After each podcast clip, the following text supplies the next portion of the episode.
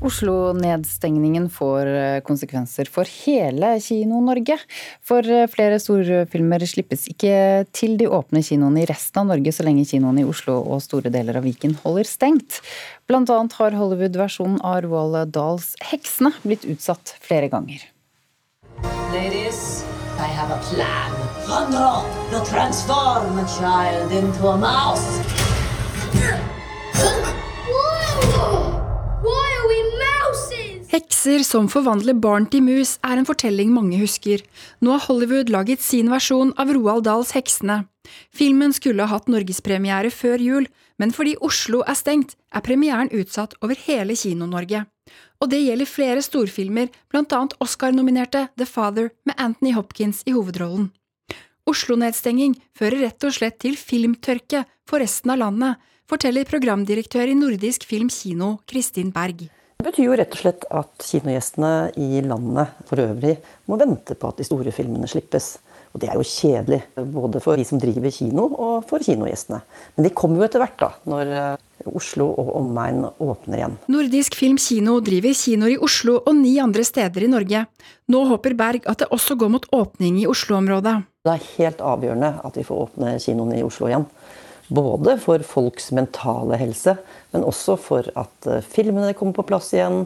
For at hele markedet skal eh, fungere mer normalt. For selv om resten av landets kinoer kan ta imot publikum, er det rett og slett for store penger tapt når Oslo og omegn må holde stengt, forteller Atle Ellingsen i SF Studios. Han jobber med å fordele filmer til landets kinoer. Oslo utgjør jo 30 av markedet. Um, og vi jobber jo i en marginbransje, så det er veldig vanskelig å slippe filmer i et marked der man mangler ca. en tredjedel av markedet. Da er det ikke mulig å tjene penger på filmene som skal eh, ut på kinoene. Ifølge Ellingsen er det lite å gjøre med problemet, men han forstår at kinoer og folk er skuffet. Jeg tror vi alle sammen drømmer om å komme oss ut og gjøre ting igjen.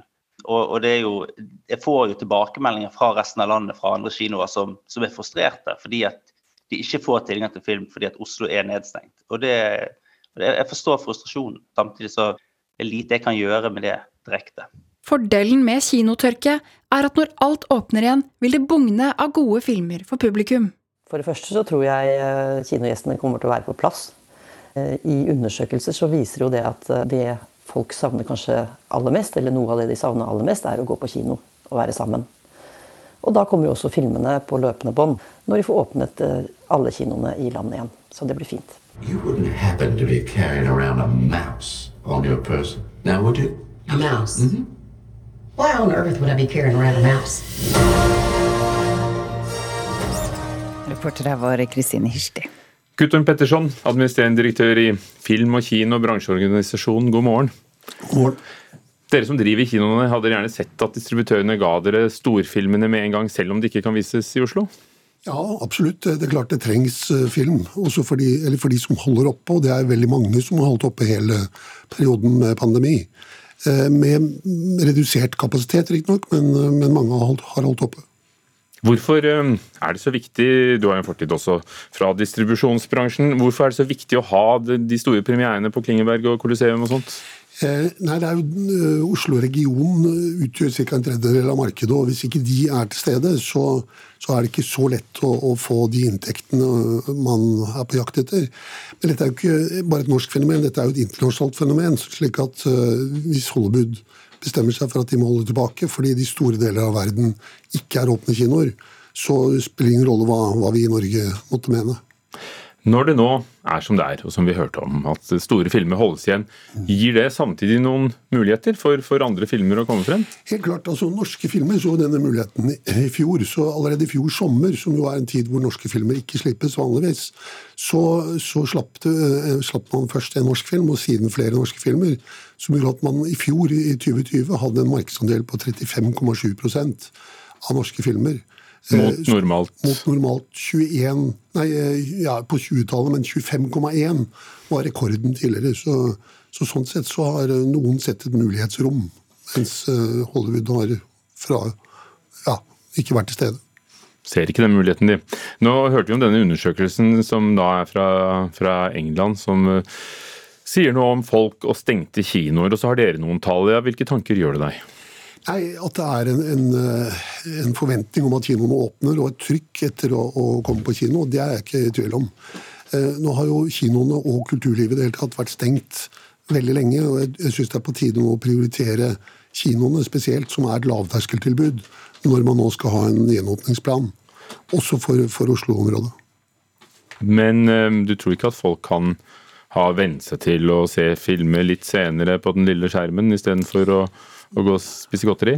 Det er den store frykten. Og ikke bare senere, men, men faktisk også samtidig. Jeg har jo noen nå, også Hollywood-studioene, begynt å lansere egne strømmetjenester hvor man slipper filmene parallelt. Men du tror på litt sånn elleville dager som på 20-tallet etter første verdenskrig, at, at vi kommer til å bli så glad? For ja, å går? Jeg tror det er trykk der som, som gjør at vi og, og, det er jo også veldig mange filmer som har blitt utsatt. Slik at det blir nesten en ketsjup-effekt når man nå slipper opp igjen. For det er ikke verdens, alle som er blitt sendt ut på strømmetjenestene? Nei, nei. Det er et eh, fåtall. Dere som holder åpent, altså De kinoene som holder åpent, altså stort sett utenom Oslo og Viken fylke, er det litt sånn symbolsk for å holde hjulene i gang og, og glede de folk som kan komme? Går de i det hele tatt rundt? Nei, altså Hadde det ikke vært for en del av disse kompensasjonsordningene, så hadde det vært, uh, vært svært vanskelig å, å, å, drive. Noen få små kinoer har lagt ned, mens de store og de aller fleste har fått en eller annen form for kompensasjon. Mm. Hva, hva, gleder du deg til? Hva, hva, hva, blir det største du ser for deg skje når vi en gang kan gå på kino i hele landet, og kanskje sitte litt tettere enn nå? Nei, det, det, skal bli, det, skal bli, godt. Jeg bor i Oslo og har ikke kunnet se film på, på kino på lenge. Og, og, det å oppleve film i en kinosal der filmene er laget for, det, det gleder jeg meg til. Spesielt James Bond, for eksempel, som har vært utsatt fire ganger offisielt. Og, og internt vet jeg også at det har vært noe flere ganger. Den kommer nå 1.10 med en del opptak fra Norge, og det ser jeg fram til. James Bond Guttorm Petterson, takk skal du ha, som altså er direktør i Film og Kino. På fredag før helgen eh, ble artisten Tix eh, kåret til årets eh, Spellemann under den viktigste prisen i norsk musikkliv, Spellemannprisen altså. Vi kan jo mm, høre litt fra det som skjedde da. Vi skal dele ut årets Spellemann. Og det her er den høyeste utmerkelsen i norsk musikk. Musikken hans fra 2020 har blitt strømmet over 70 millioner ganger, noe som kroner han til, til landets mest strømmede artist i fjor. Årets Spellemann er Tix. Det å bli sett, liksom Ikke bare blant dere, som jeg Som jeg alltid har æren av å få treffe på konserter. Men å bli sett av de andre som lager musikk også. Det er skikkelig stort for meg. Men eh, det er ikke alle som mener at Tix burde få denne aller gjeveste prisen, reporter Christian Ingebretsen. Nei, det er ikke det. Eh, Aftenpostens eh, musikkommentator Robert Hoftun Gjestad skriver i nevnte avis at det er feil at norsk musikks aller viktigste pris går til den kommersielt største artisten. Mest av alt pga. strømmetallet i f.eks. Spotify, mens den kvalitetsmessige vurderingen av selve musikken er skjøvet i bakgrunnen. Og Han peker da bl.a. på artister som Sondre Lerche og operasanger Lise Davidsen som forslag til artister han heller mente burde fått prisen i år.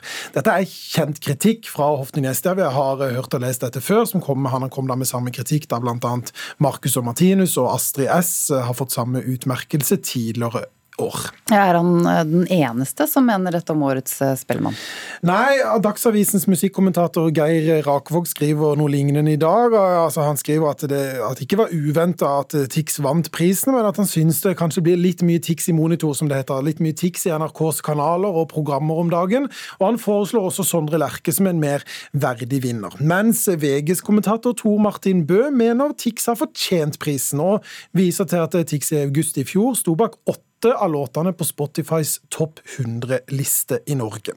Jeg har også vært i kontakt med juryen i Spellemann, altså de som da har bestemt at han har fått uh, prisen. Jeg vil prøve å få kontakt med dem nå på morgenkvisten. Uh, de hadde ikke anledning til å gi en kommentar, men de skriver kort i en SMS uh, at de minner om at juryen allerede i desember bestemte hvilken artist som hadde utskilt seg særskilt i året som hadde gått. Takk, reporter Christian Ingebretsen. Det kan være bra å utvide horisonten. Ikke sant, humoranmelder Espen Borge? Jo, Det er jeg enig i. Og der skal du hjelpe oss, for du, skal, eh, du har funnet frem en del internasjonale humorshow som ikke er norske, ikke er engelske og ikke amerikanske. Og hva har du sett etter? Nei, altså, Det er jo vel og bra med norsk, og amerikansk og britisk humor, det er fint det, men det kan jo være digg å trekke opp nisselua litt også. Så da har jeg sett etter komikere som eh, fremfører på et annet språk enn engelsk eller norsk, og som jeg syns gir noen nye perspektiver eller innsikter man ikke får da, fra de samme gamle komikerne man pleier å se. Ikke, ikke bare hvite menn på 50, liksom. Og hva har du funnet? Da det første tipset er da en fransk komiker som heter Fadili Camara. Som eh, er ganske tradisjonell i stilen, men eh, har et veldig godt håndlag med teksten sin. Som faktisk gjør henne til en ganske uforutsigbar komiker likevel. Og så er det jo naturligvis noe fascinerende med det franske samfunnet, da, som jeg tydeligvis ikke kan så mye om, annet enn at det er tidvis ganske turbulent.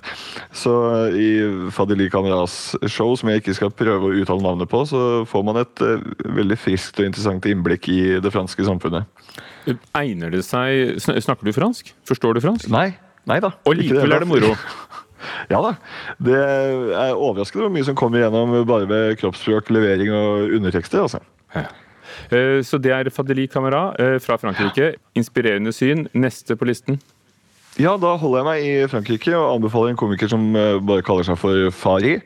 Eh, og showet hans eh, 'Fari is the new black' det er ganske mye mer politisk lada enn det Camara sitt show er. Og det går kanskje enda mer i dybden på problemene i det franske samfunnet. Det er jo snakk om systematisk og strukturell rasisme, polarisering, kulturelle forskjeller. Det høres kanskje ikke så morsomt ut, men Fari er jo sabla god på å formidle utfordringene sine da, på en måte som selv en toskete nordmann som meg kan forstå. Og så har han en ganske mye mer utradisjonell tilnærming til standup, som gjør den eh, desto mer interessant i mine øyne. Fari is the new black. Uh, Fari is the new black. Jeg nevnte flere land i sted, så ta oss ut av Frankrike og til? Ja, da kan, ta, da kan, jeg anbefale en serie, faktisk. Alt dette er forresten på Netflix. Um, og Der er det også en serie som heter 'Komikerne inntar verden', som samler komikere fra alle verdenshjørner. Og da spesielt showet til uh, en komiker fra Jordan som heter Rawson Hallak. Som uh, gir et perspektiv som jeg i hvert fall ikke er vant til å se. Humor fra Midtøsten. Det er jo liksom ikke på senkveld hver fredag, det. Um, og Hallak er kanskje er ganske tradisjonell og forutsigbar i stilen, hun også, men uh, det er, det er, noe veldig gøy å se henne liksom fortelle om ting som jeg aldri er i nærheten av å oppleve som eh, norsk mann.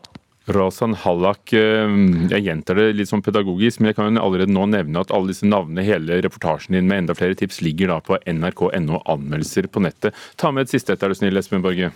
Ja, da kan jeg avslutte med noe som heter Ladies Up fra India. Hvor det er fire indiske komikere som forteller om eh, det indiske samfunnet, som jo er ganske innfløkt og eh, litt sånn underkommunisert. For man kjenner det jo kanskje best fra liksom, de stereotypiske fremstillingene fra Bollywood og sånne ting, men eh, her får du altså helt nye innblikk fra komikere med førstehåndserfaring fra alt det som er komisk med det indiske samfunnet. Ladies Up. Takk skal du ha, Espen Borge. Takk skal du ha.